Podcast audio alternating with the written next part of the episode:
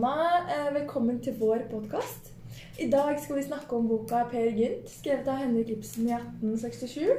Vi har med oss Christian Hei, hei. og Eileen. Hallo.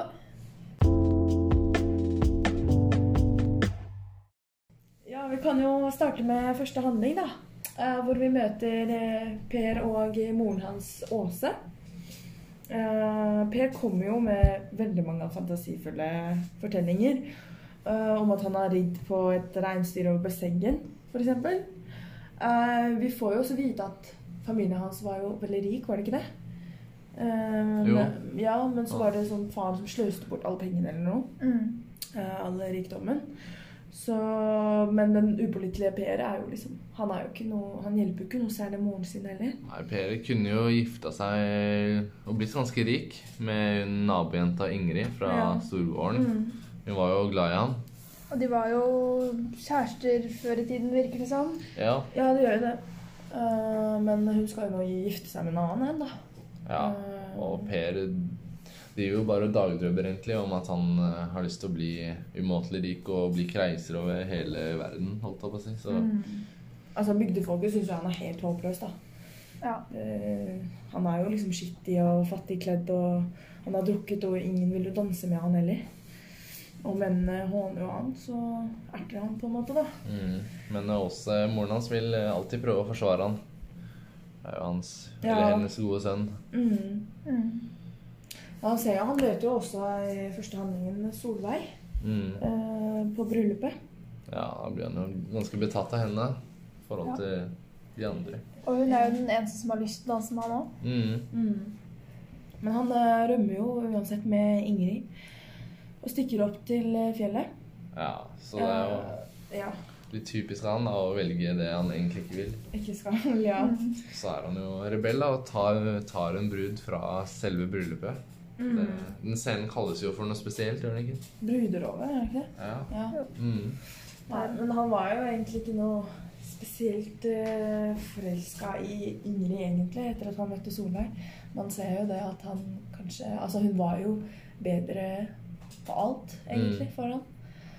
Så det var det første handlingen gikk over til. ja. Skal vi da gå over til andre handling? Kristian, Christian, vil du snakke litt om den? Ja, det kan jeg gjøre. Ehm, det starter jo med at eh, Per og Ingrid har kommet seg et sted i skogen. Eh, og bygdens folk de begynner jo å jakte på Per for å straffe han da, for dette de kaller for bruderovet. Mm, men eh, dumpa han ikke Ingrid der oppe igjen? Gikk ikke de fra hverandre? Jo, selvfølgelig, sånn som Per er, da, så ble han jo lei av Ingrid. Ja. Ja, så da, da ba han henne om å stikke, egentlig. Ja. Etter det så treffer han eh, tre, de tre setejentene og blir med dem. Og så ut på tur, aldri sur, så blir han Han besvimer, men han blir vekket igjen av den grønnkledde. Så han var jo hun derre forførende kvinnen. Hun var ikke hun eh, Jo, Dovregubbens datter. Ja. Ja, ja, det stemmer. Em, han blir jo betatt av henne, da. eh, Og vil liksom bli en del av kongeriket og alt sammen. Uh, Men han må jo spørre han derre Dovregubben om um, sånne velsignelse. Ja. Mm. Og for å få det, så måtte han jo Han måtte jo gjøre noe med utseendet sitt. måtte han ikke? Jo, han måtte jo få på seg en hale og få noe sånn rispa øye, var det ikke noe sånt? Ja, ja, ja. Mm. Ja, så, så han skulle liksom se på verden som omvendt, da. Og sånne ting. Eh, men eh, han, det ville han jo ikke, så han eh, ender da opp med å flykte istedenfor. Så kommer jo de trollene og begynner å jakte på han. Mm. Ja, Var det ikke trollungene Jo, jo, det var det jo.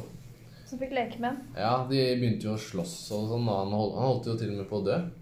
Men uh, så kom de der eh, fine kirkeklokkene som reddet han, da. Så han klarte å komme seg unna. Men etter det så møter han en sånn der eh, uformelig digert vesen. Som, det som gjør det så vanskelig for han. Det er jo Det heter jo noe spesielt. Ja, det var bølgen. Bø- Bøygen, ja. Ja, stemmer. Um, som skal liksom få han til å alltid komme seg unna ansvaret, eller gå rundt ansvaret. Så, eller han sier 'gå utenom', som de sier. Og det er liksom det at han ikke skal uh, fikse det selv, holdt jeg på å si. Mm. Uh, til slutt så um, våkner han opp etter å ha vært litt borte på Setebu. Så møter han uh, han jenta han egentlig vil ha. Solveig? Ja, mhm. Og hennes søster er Helga. Men han må selvfølgelig rømme igjen. Så ber han jo Helga si til Solveig at han, hun ikke må glemme ham. Mm. Ja, Solveig var jo liksom perfekt for ham på alle slags måter, egentlig. Ja. Han likte jo kanskje ikke noe særlig Ingrid. Nei, det var liksom Solveig som var i drømmene hans. da. Ja. Mm. Ja, da kan vi gå over til eh, tredje handling. Erlin, vil du snakke litt om den? Ja, det kan jeg gjøre. Eh, Det, han- det starter med at eh, Per bygger seg en hytte oppe i fjellet. Solveig kommer eh, opp til Per eh, og har forlatt familien sin. Per er veldig glad og optimistisk. Men eh, blir snart litt lei seg da. Ja, for hun derre grønnkledde kom jo plutselig inn med en trolltunge, som hun sier er han sin. Ja, og det ødelegger jo litt kjemien mellom han og Solveig. Eh, så da sier bare Per at han må stikke, og så gidder han ikke å forklare engang. Ja. Og så drar han videre hjem til eh, mor og Åse. Eh, Når han kommer dit, så ser han at Åse ligger for døden i en fattig seng. Og det viser seg at hun har mistet alt til Heggestadbonden og lensmannen etter at Per eh, røvet bruden. Per forteller jo en historie om en reise med en hest og slede, og de skal til himmelens slott. Mm, det er jo for at hun skal på en måte dø uten, uten angst, da, og på en måte få en litt sånn fredfull død. Mm. Ja. Og underveis, eller på slutten av historien, så får Åse en fredfull død, da. Ja, da går vi over til fjerde handling. Kristian, ville snakke litt om den? Ja, jeg kan jo starte med å si eh, hva som skjer først. Eller, altså Det vi legger først merke til, er jo at Per nå har blitt en eh, rik mann. I forhold til det han var før, i hvert fall. For han har drevet med slavehandel, som har tjent ganske mye penger på. da. Han er, eh, Vi ser at han er i Marokko, hvor han er eh, sammen med noen andre utlendinger også, som han har invitert med på yachten sin.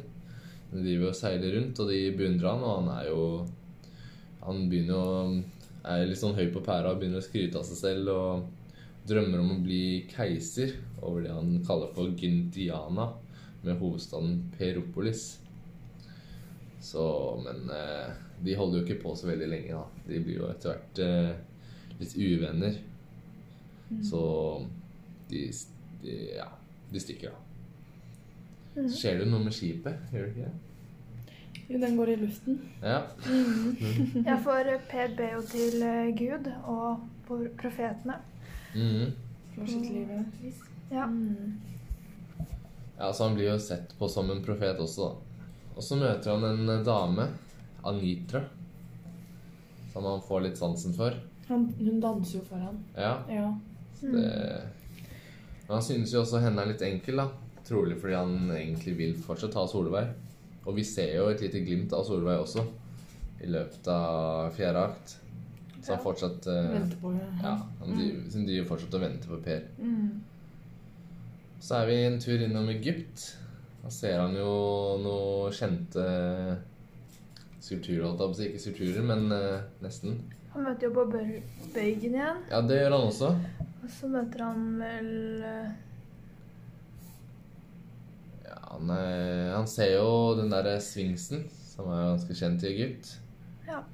Men um, han havner jo så til slutt på galehus. ja, gjør han ikke det? Ja, I Kairo. ja i Kairo, ja. Mm. Og ja, da eller kroner han seg selv, da. Eller han blir det av de som er innlagt på det galehuset. Så Ja. det er god stemning. Da kan vi gå over til eh, siste handling i boka, altså den femte. Eileen, vil du starte litt på den? eh, Ja. Eh, I siste handling så har eh, Per begynt å bli gammel og grå. Han er på vei igjen til Norge i en båt. Men på båten så er det en mystisk fremmed passasjer som søker etter døde.